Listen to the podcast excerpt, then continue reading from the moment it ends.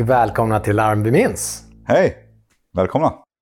Jag heter Trösti Brege Och jag heter Daniel Brander. och vad jobbar du med? Jag jobbar som brandman och befäl. Mm. Du då?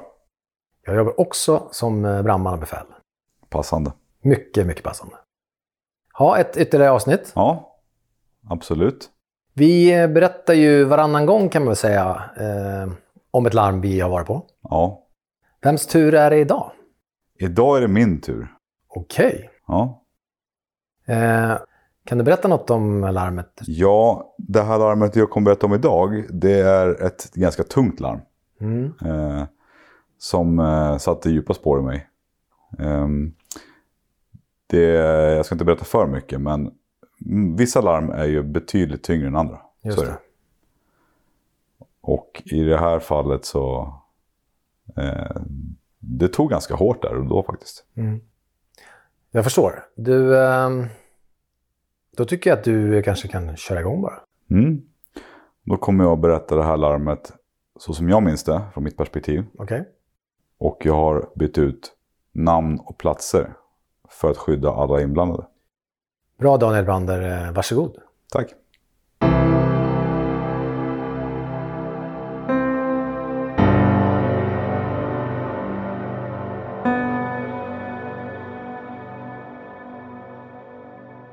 Vilket kanonväder. Synd att man jobbar. Vi brukar ju ha det ganska bra under sommaren på jobbet. Lite lugnare med arbeten på stationen än på övrig tid av året. Visst, vi åker inte mer eller mindre larm, men tempot går ner lite. Jag svänger in på jobbet vid sjutiden, en halvtimme innan vi börjar, för att kunna lösa av kollegorna som jobbat natten, så de ska slippa åka på larm precis innan de ska gå hem. Det är skönt att bara få landa och ta en kopp kaffe och surra lite med gänget som ska kliva av passet. Hur har natten varit? frågar jag gänget. Ja, vi har haft en lägenhetsbrand. Så det finns lite saker att fixa i friska brandmän för er. Okej. Var det något stort? Nej. Ett bord som brann. Inget allvarligt, men eh, rökigt. Friska brandmän är där vi tvättar våra larmställ och rökskydd. Efter att vi har rökdykt. Alla grejerna måste tvättas ordentligt. Så vi får bort sotpartiklar som kan ge oss problem med hälsan på sikt. När jag började i brandkåren var det inget man tänkte på. Kläderna kunde vara skitiga hur länge som helst. Vi satt i bilarna med larmställ efter bränderna. Vilket vi absolut inte gör idag. Idag byter vi om utanför bilarna efter bränder. Tar kläderna i säckar för att sedan kasta in dem i tvätten när vi kommer tillbaks till stationen. Mina kollegor ramlar in en efter en och samlingen kollegor byts ut vart eftersom. Nähä, nu är det nog dags, säger Hanna. Och vi reser på oss för att gå in till befälet som kopplat upp sig på datorn. Uppställning 07.30 i lektionssalen. Och befälet börjar gå igenom det kommande dagpasset. Om det är någon speciell övning idag, eller om det har hänt något passet innan som vi behöver vara medvetna om. Som problem med någon utrustning, eller om det varit något strul med bilarna. Jag är ansvarig för rökskydd och fordon på mitt vaktlag. Så det är något jag måste vara extra uppmärksam på. Det kan handla om att något måste skickas på lagning eller om någon av bilarna behöver ses över lite noggrannare. Brander åker rökdykarledare. Med dig som rökdykare får du Mats och Jimmy. Hanna kör släckbilen. Du får övriga fordon Arvid, säger Axel som är befäl idag och ersätter vårt ordinarie befäl som är ledig. Axel går även igenom vem som ska ha krysset, som vi kallar det. En uppgift som roterar på gruppen varje pass. Den uppgiften är att sköta de dagliga sysslorna som tvätt, diskmaskin, soporna och öppna dörren och så vidare. Idag blev det jag som fick den. Va? Jag igen? Det är ju alltid jag, säger jag skämtsamt. Som rökdykarledare blir det mitt ansvar att se till så arbetet på stationen flyter på när vi inte åker på larm. Fast vi är en grupp ansvarsfulla individer så det är inte mycket att styra över. Vi har en övning i mc-olycka denna dag som vi kör mellan fikat och lunchen. Det är bra med repetition av mc-olycka nu när hojarna är ute på vägarna. Själv har jag en speciell relation till den typen av olycka. Men det kanske vi pratar mer om längre fram någon gång. Allt flyter på som planerat fram till lunch. Vi äter hemma på stationen idag istället för att åka ut hela gänget till en lunchrestaurang. Mats lagar någon pasta. Hanna och Arvid äter vegetariskt medan jag åker iväg och köper hämtmat till oss andra. Jag måste skärpa mig. Det funkar inte att handla ute hela tiden. Tänker jag när jag svänger in på stationen med en kebabrulle i påse. Halvvägs in i lunchen går larmet. Ett automatlarm på en förskola i kommunen. Automatlarm är brandlarm kopplade direkt till vår larmcentral. Vi åker fram på det och kontrollerar vad som hänt. Det visar sig snabbt vara ett tekniskt fel på systemet. Vilket inte är ovanligt. Så inget allvarligt alltså. När vi är klara åker vi hem till stationen igen för att avsluta lunchen. Det vore nice att få i sig lite energi ifall vi får åka igen, tänker jag. Precis när vi är klara går larmet. Men nu med aningen allvarligare ton i rösten från högtalaren. Prio 1 larm, drunkning. Barn mellan 10 till 13 år. Försvunnen i en sjö i närheten av stationen.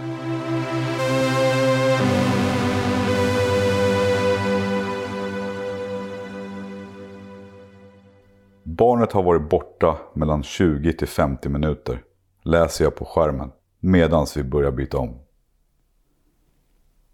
Det är väldigt lång tid ifall det stämmer, tänker jag. Det känns som vi ligger efter just nu. Det måste stå fel, säger Axel. Vi rökdykare byter om på stationen till våtdräkter. Det gör vi för att kunna jobba längre i vattnet än om vi bara hade haft vanliga badkläder på oss.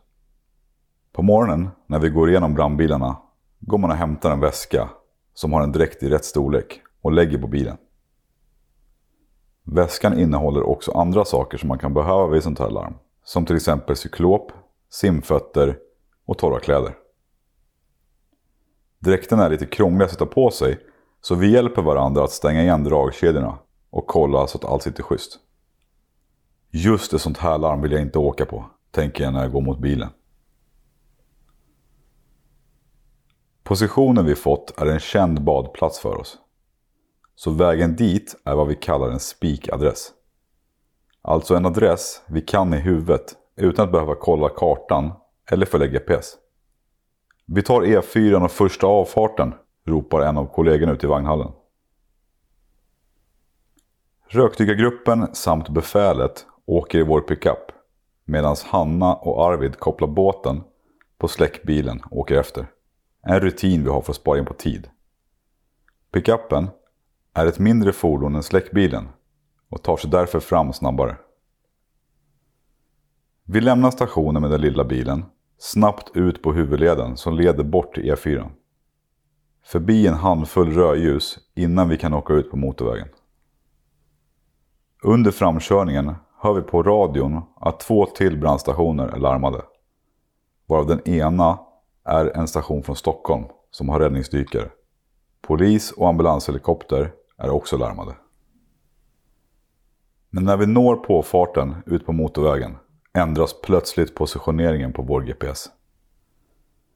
Varför flyttas positionen? frågar en kollega. Just i det ögonblicket kommer det ut på radion att positionen nu flyttats till andra sidan sjön.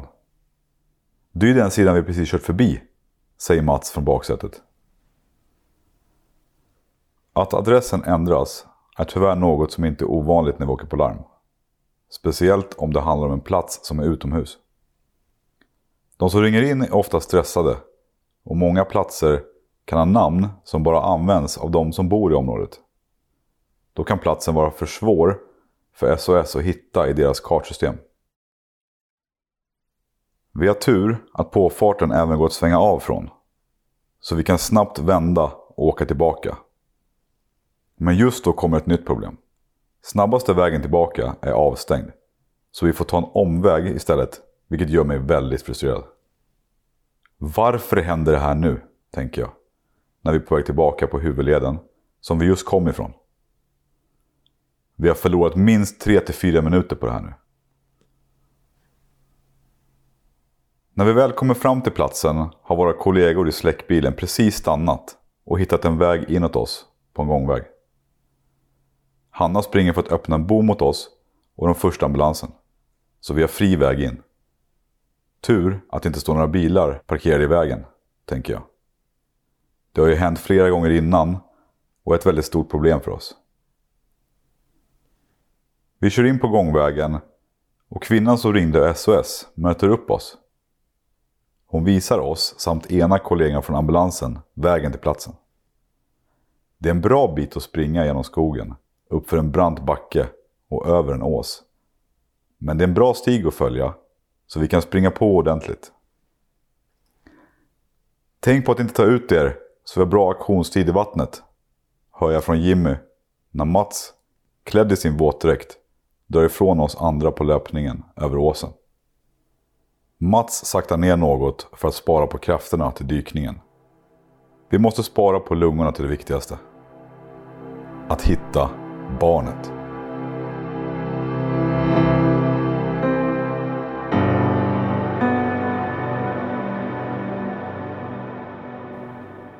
Resterande personal på styrkan är kvar vid gångvägen för att leda övriga enheter in till platsen. Vi kommer till slut ner till några klippor. Där står kompisarna till barnet som saknas. Samt en vuxen man som har passerat och stannat hos barnen. Vi frågar vart barnet försvann och kompisarna pekar ut en tydlig del på klipporna som vi kan börja söka vid. Klipporna har en ganska rund utformning i olika platåer. Nästan som man kan tro att berget är utformat just för en badplats. Klippan är ganska liten, kanske bara 20 meter bred. Och platsen som kompisarna pekar ut är kanske hälften av det. Vilket ger oss ett bra utgångsläge. Nu bör vi ha en bra chans att hitta honom, tänker jag medan jag fixar det sista med min utrustning och gör mig redo ifall jag behöver hoppa i. Jag ropar upp vårt befäl. Brander till Axel. Vi har hittat platsen och påbörjar sökning. Nu startar vårt arbete med att söka. Jag leder arbetet som ytbärgarledare från land medan Mats och Jimmy ska söka i vattnet. Killarna får på sig sina simfötter, snorkel och cyklop och dyker i. Skönt att Mats och Jimmy är med här idag, tänker jag. Båda är mycket rutinerade brandmän. Men framförallt väldigt duktiga i vatten. Jimmy brukar kontrollera botten på badplatser under våren. Så jag är glad att ha med mig honom här idag. Taktiken blir att dyka punktvis under ytan. För att kunna söka av ett större område turas de om att dyka ner och följa botten. En teknik som brukar fungera bra vid just klippor. Inget får missas nu. Jimmy dyker ner och försvinner en stund. Jag står under tiden på kanten och har koll på vad som händer från klippan. Jag ser dock inte vart Jimmy tar vägen samtidigt som ett hopp om att han ska komma upp med något sköljer över mig. När Jimmy väl kommer upp och ska ta luft så är han tomhänt. Mats dyker ner och allt upprepar sig för mig. Tomhänt. Igen. Jag kan bara tänka mig hur de känner sig där i vattnet. Den känslan killarna nu har vet jag är otroligt jobbig. De söker efter ett barn med troligtvis dålig sikt och tiden emot sig varje sekund. Nu dyker Mats ner sitt andra dyk och försvinner igen under ytan. Jag flyttar blicken mot Jimmy som passar på att ta igen sig innan det är hans tur att dyka ner igen. När jag sen tittar tillbaks till platsen där Mats borde komma upp igen hinner jag precis tänka att han är borta lite för länge. När han till slut kommer upp till ytan igen med ett barn i armarna.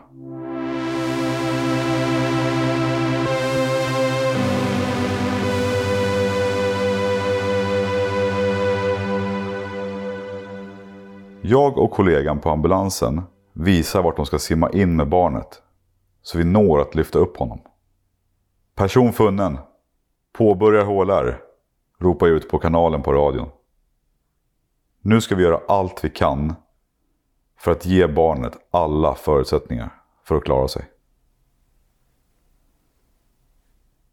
Jag lägger mig på berget med huvudet ner mot vattnet. Men hittar inget bra ställe att få fast fötterna så jag kan få någon kraft. En liten skåra i berget får duga, hoppas jag. Första försöket når jag inte riktigt barnet. Så de sträcker upp lite längre och jag lyckas nå armhålan med ett grepp.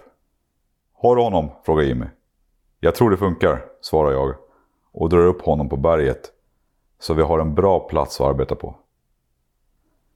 Nu ligger en liten, blöt, livlös kropp framför mig och kollegan från ambulansen. Vi påbörjar hjärt-lungräddning omgående tillsammans. Hon sköter andningen och det medicinska arbetet medan jag gör kompressionerna. Mina kollegor kommer upp ur vattnet och hjälper oss. Något jag uppskattar är att arbeta tillsammans med ambulanspersonal som vi känner igen. Det gör arbetet lättare. Ambulanserna i vår region är oftast placerade på brandstationerna. Vilket underlättar arbetet på olycksplatser. Samtidigt som vi precis startat kommer ett anrop på min radio. Branden till John. Kan du förklara vart ni är så vi kan komma fram? Frågar en av insatsledarna. HLR pågår. Ni får leta er hit, svarar jag kort. Jag kan inte prata i radio nu. Mitt fokus är att hjälpa pojken. Under tiden får kvinnan som guidar oss springa och möta de övriga styrkorna. Poliser samt fler från ambulanserna. Fler kollegor anländer samt kustbevakningen som har haft en övning i närheten med båt och vattenskoter. Helikoptern hörs också komma på håll. Nu kanske vi kan få iväg barnet snabbt, tänker jag när helikoptern börjar hovra in mot oss. Men platsen där vi befinner oss på, där kan inte helikoptern landa. Så vi ber kustbevakningen skicka sin vattenskoter för att kolla runt i området efter en bra plats att landa på. Helikoptern hovrar ner mot berget ändå. Vad gör de? Tänker jag. Det visar sig att de vill släppa av sin personal hos oss eftersom det finns högre medicinsk kompetens på helikoptern. Detta sker ungefär 10 meter ifrån där vi arbetar. Så det blåser på rätt ordentligt. Ni får hålla upp filtar. Vi blåser ju bort annars, hör jag en kollega ropa medan vi försöker hjälpa barnet. Väl när personalen hoppat ur helikoptern så åker den till en närliggande badplats. Dit vi bestämmer oss för att transportera pojken med kustbevakningsbåt. Vi flyttar över pojken tillsammans med akutläkare och ambulanspersonal. För att de ska kunna ta sig till helikoptern för vidare transport till sjukhus. Vi som är kvar på klipporna tittar ut mot båten innan de viker runt en udde. Sen tar vi ett par minuter att återhämta oss innan vi börjar plocka ihop våra prylar och ska ta oss tillbaka till våra bilar. Mats, hur såg det ut där nere? Du hittade barnet fort? Frågar jag medan vi packar ihop. Det var dålig sikt första tre metrarna ner. Sen blev det klarare. Men jag tappade ju den ena simfoten på första dyket. Så det blev lite tyngre att simma. Sen såg jag något som såg ut som shorts och siktade på det, svarar han.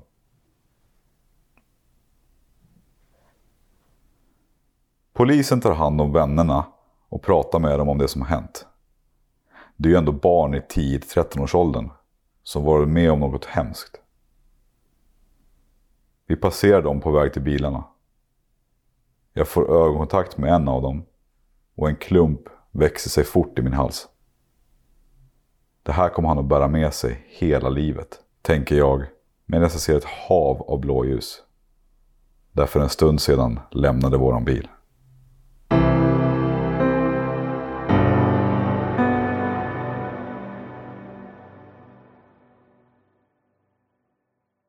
Okej, Brander. Mm. Hur kändes det att vara på det där larmet? Nej, men precis som jag sa innan så var det ju ett eh, tungt larm. Mm. Och eh, det sätter sina spår. Och i det här fallet så tyvärr så avlider den här pojken efter att ha varit under ytan alldeles för länge. Mm. Och när det handlar om barn så det blir väldigt tungt. Det kryper liksom in under vårt vad ska man säga, skyddsskal. Liksom. Mm. Eh, Även om man åker på larm så... Eller när man åker på larm med... eh, På andra grejer så har vi vår uniform blir ungefär som ett skydd. Liksom. Mm. Och vi förbereder oss ju ganska hårt mentalt när vi åker och sådär. Men, men eh, det, man lyckas inte det här. Nej. Det går inte. Det, det, är ändå, det är ändå ett barn som har dött liksom. Mm. Framför våra ögon mer eller mindre. Nu dog han inte där och då. Eller, han, eh, vi försökte ju rädda honom på platsen. Men, och sen så kom han ju till sjukhus och den biten. Men, Mm. men eh, att bara se när vi lyfter upp ett barn. Och, han är, liksom, det är för liten. Han är en för liten människa. Liksom. Mm. Jag ska inte behöva vara med om det. Nej, det där är ju såklart någonting vi alla i den här branschen fruktar att åka på. Ja. Larm med barn. ja, Jag minns ju själv, eh, alltså jag har ju alltid varit liksom för att vi ska vara där vi behövs. Mm. Och under mina år så har ju de larm, typer av larm vi har åkt på liksom breddats hela tiden. ja, Alltså, ja, för 20 år sedan började vi åka på hjärtstopp. Eh, 10 år sedan eller något började vi åka på hot om suicid. Ja. Alltså folk som mår dåligt. mm. Eh, men vi har ju varit väldigt förskonade att åka på sjuka barn. Ja, Det är klart att de har varit med om olyckor och sådär. Men, men sen så var det ju ett tillfälle, om det var kanske några år sedan, då man ändrade reglerna för vilken typ av hjärtstopp vi fick åka på. mm.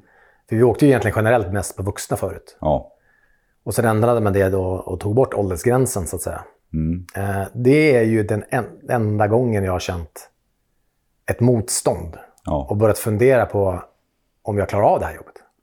Ja men precis. Alltså det blir ju mer påtagligt att vi, vi hamnar i de situationerna. Mm, Där vi, om man förstår oss rätt, inte vill vara. Liksom. just det. Det finns ju ingen som vill vara där barn har drabbats. Liksom. Nej, precis. Ja, man ändrade gränserna, det var ju för att vi inte var utbildade på barn, HLR exempelvis. Exakt, det fanns ju regler som styrde det här. Mm. hur vi skulle göra det. Men nu har vi fått de utbildningarna så nu ska vi åka på barn HLR också. Mm. Och det är klart vi ska göra det, för att vi behövs ju där. Självklart ska vi göra det. Och det är klart att vi, vi, vill, vi vill ju åka på alla och hjälpa alla människor. Vi Liksom. ska ju vara där det behövs. Det är Ja. Men psykiskt så är det ju tyngre att åka på sådana verkligen. saker. Mm. Hör du, eh, pojkens chanser blir ju små eftersom han hade ju legat i vattnet så länge. Ja. Varför, vet du varför det tog så lång tid innan eh, larmet gick ens? ja, vi fick ju höra det sen efteråt vad, vad som hade hänt. Vad som, vad som tros ha hänt här. Mm. Kompisarna tror i det här fallet att han, att han skojar med dem. Okej.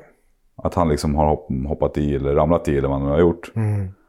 Och de förstår inte att han eh, inte kommer upp. Utan de tror att han har gått upp på en annan plats. Eller liksom, ja, så de, de har inte uppfattat att han, har- att han har sjunkit. Liksom. Mm. Så det är den här förbipasserande människan som säger, den här kvinnan som upptäcker att det är någonting som inte stämmer här när hon går förbi. Mm. Och på grund av att hon reagerar på det, går ner till dem och pratar med dem. Det är då hon tar beslutet, alltså det här, är- nej men jag ringer. Mm. Så det har ju gått en ganska lång stund och de har inte förstått att han har försvunnit. Liksom. Ja, exakt. Det jag tänker på där är ju också att det, det är ju en... eh, Det är ju svårt för dem att förstå, de tror att han skojar. Och nu handlar det om barn. Men vikten av att kanske vara extra uppmärksam när man är just vid vatten är ju väldigt stor. Liksom. Mm. Och sen förstår jag att det är med barn så att det är, de, är inte, de tänker inte lika rationellt som vi är. Nej, de var väl där och hade kul. Så att Ja. Du, det här med jag tänker med den här tiden. Eh, ni får ju ett problem på vägen dit. Mm.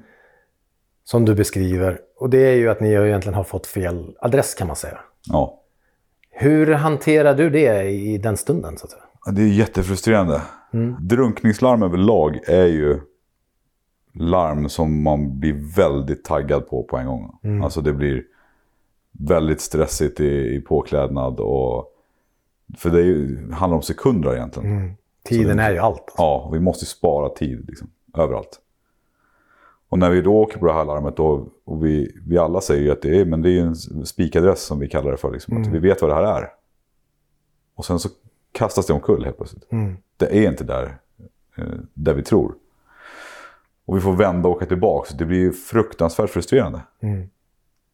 Ja, För att när man åker och just har adressen helt klart för sig, då är också, har vi en mental bild. Ja, Hur det ser ut där, vad är det, var kan jag springa ner snabbast till vattnet? Alltså man har ju massa sådana grejer som är på gång i huvudet. ja men precis. Och sen bara, stopp, inte det. Nej, det var inte där liksom. Nej. Det gör ju väldigt svårt. Var, var den nya adressen också en spikadress på samma sätt? Att ni Nej. lika bekant för er? Nej, det var verkligen inte det. För att vi hade, dels är inte det här en kommunal badplats som vi åker till och besiktar. exakt. och kollar liksom. Okej. Eh, eller orienterar oss på. För det gör vi på, varje, på våren. Så åker vi och orienterar oss på alla badplatserna. Mm. Och kollar hur, hur de ser ut. Och liksom så här, bara upp, men för att veta hur, om de har byggt om någon brygga eller bytt ut. Och, och det här var ju inte det. Det här var ju bara liksom en klippa i en sjö. Liksom. Mm. Jättefint ställe att vara och bada på. Och sitta och grilla kanske. Liksom. Mm. Men, men vi visste inte vart den här låg. Nej. Så att vi hade ju tur att hon som hade ringt in det här larmet kunde guida oss dit. För annars hade vi fått springa och leta. Liksom. Ja. Eh, och den här eh, badplatsen som vi, som vi vart, fick adressen till, den ligger egentligen på andra sidan sjön. Men hon har väl då troligtvis ringt och sett den. Alltså hon har ju tagit den som en referenspunkt när hon har Mm. ringt in larmet. Mm. Så att när vi vänder och får åka tillbaks, det är ju jättefrustrerande för då har vi förlorat massa tid. Liksom. Du nämner ju också om någonting annat som kan vara en tidsfördröjare. Mm. Och det är ett problem vi kan stöta på, speciellt på så här varma soliga dagar. Ja. Det är det här med framkomligheten till vattnet. Alltså varma soliga dagar, alla vill ju åka bada. Mm. Och många åker bil fram dit. Liksom. Nu hade vi som tur var att det inte här var en kommunal badplats där det är en parkeringsplats. Så det, vi hade, ju- det, det problemet fanns inte här. Nej. Men på badplatser överlag så är det ju väldigt mycket bilar när vi kommer fram. Mm. Och ibland har vi åkt till badplatser där vi inte ens kommer fram. Det står bilar i vägen framför bommar eller liksom vägar eller man parkerar snett på en parkeringsplats. Och, som gör att vi har ganska stora bilar, svårt att ta sig förbi. Och det är det är ju ett problem. Så att, eh, egentligen så man ska hålla sig till anvisad parkeringsplats helt enkelt. Ja, Mm. jätteviktigt. Och vissa badplatser ligger ju men ute, i, liksom, ute i skogen. Och om folk då ställer sig på små vägar och ställer sig i dikeskanterna med ena hjulparet eller hur man nu väljer att parkera. Mm. Så måste man också tänka på att det ska kunna passera en lastbil här. För annars kommer inte vi fram. Mm. Och att behöva springa jätte, jättelång bit för att sen hoppa ner i vattnet och dyka. Det, dels så förlorar vi tid. Och vi kommer också vara väldigt trötta när vi kommer fram kanske. Mm. Och det, det, blir, på, det blir vi ju påminna om i det här, i det här eh, larmet. Då. Mm. Där eh, en av mina kollegor ropar liksom, när vi springer, för vi springer på ordentligt. Mm. Och han ropar också, tänk på aktionstiden i vattnet. Mm.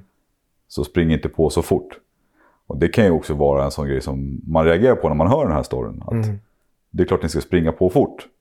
Men vi måste också spara på syre i våra lungor. Mm. För att vi ska kunna dyka och vara länge i vattnet. Så den tiden måste också få, få liksom sin... Det måste fungera. Mm.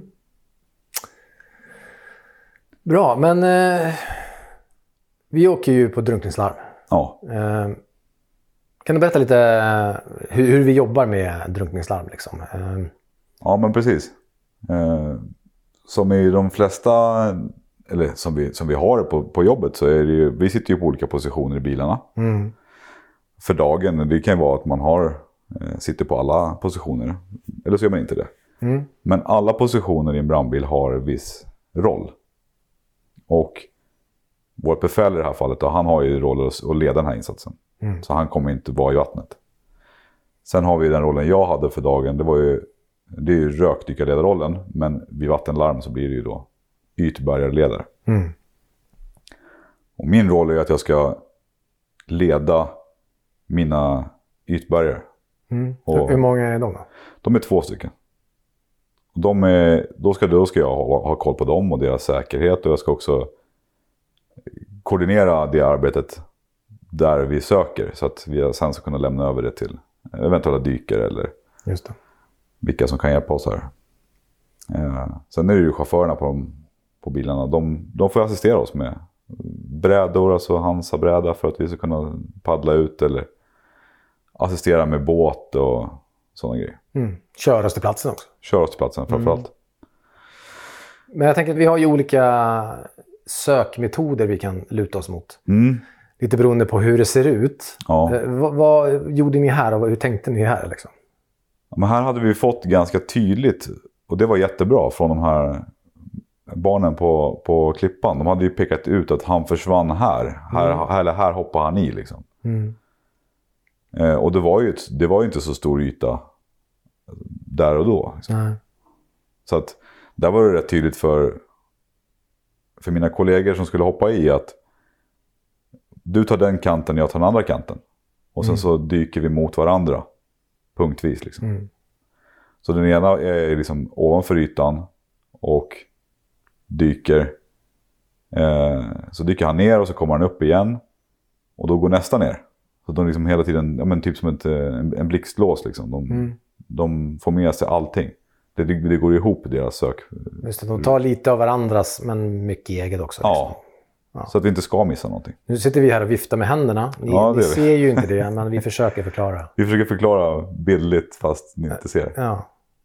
Och utrustningen vi använder oss av här i det här fallet, det, ju, då var det, det var ju varmt så att vi, då kör vi i eh, våtdräkt. Mm. På, när det är kallare perioder, eller vi ska vara i länge i vattnet, då kör vi torrdräkt. Mm. Mm, men jag tänkte på...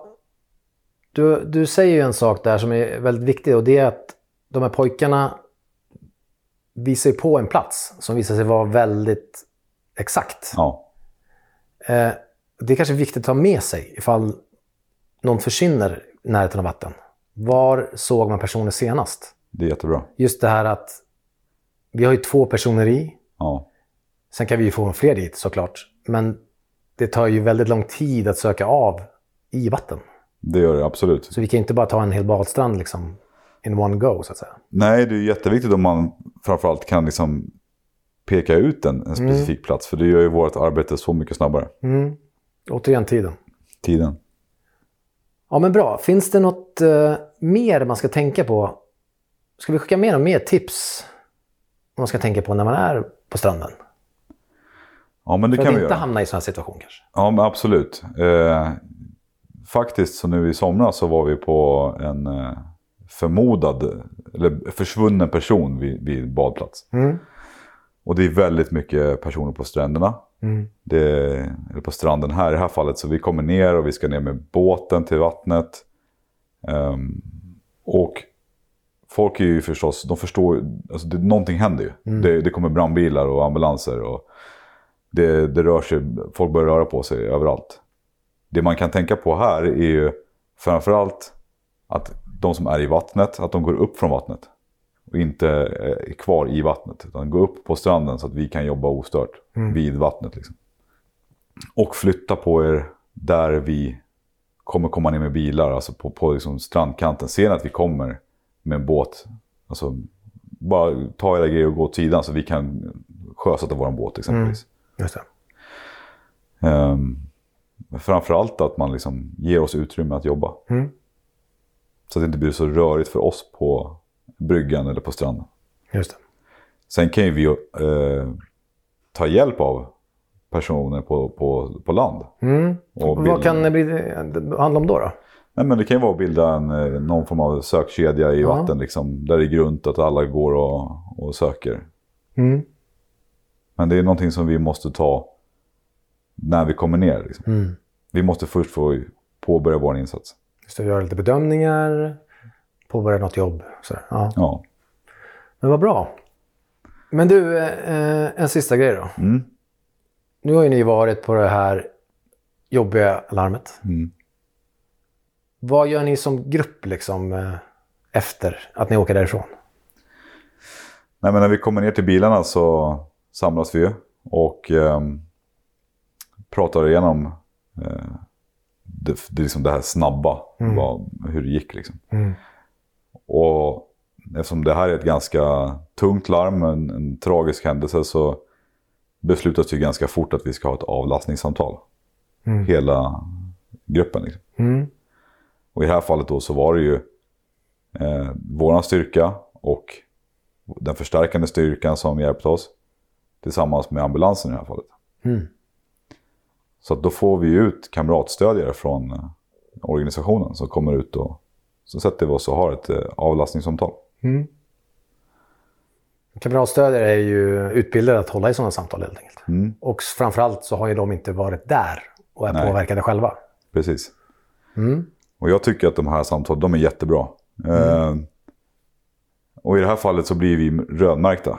Mm. Vilket betyder att vår station kommer egentligen... Eh, man stänger av stationen tills dess att vi är klara. Mm. Så andra stationer får ju täcka vårt distrikt. Mm. Och det är för att vi ska kunna ha det här samtalet i lugn och ro. Och prata igenom vad som har hänt. Och under det här samtalet då så får alla komma till tals. Man får liksom, vi kör ett varv runt alla så alla får prata. Mm. Och ge sin bild av vad det är som har hänt. Mm. Har, man sam, har man samma bild eller har man olika bilder. Alla ska få prata och tömma ryggsäcken. Mm.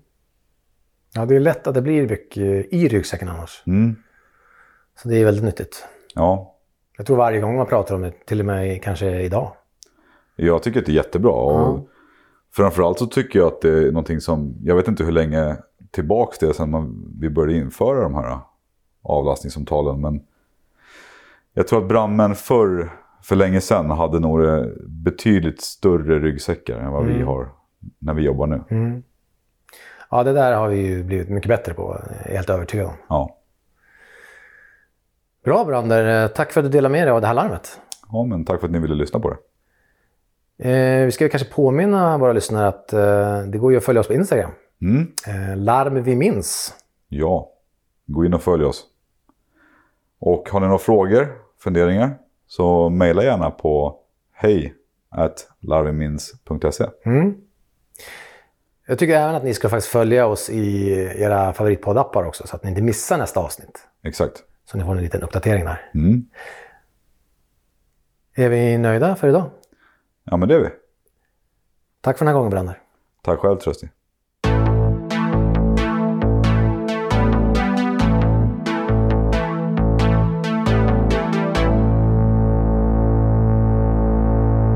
Larm vi minns produceras av Malin Brege, Trösti Brege och Daniel Brander. Ljud och musik Marcus Söderberg.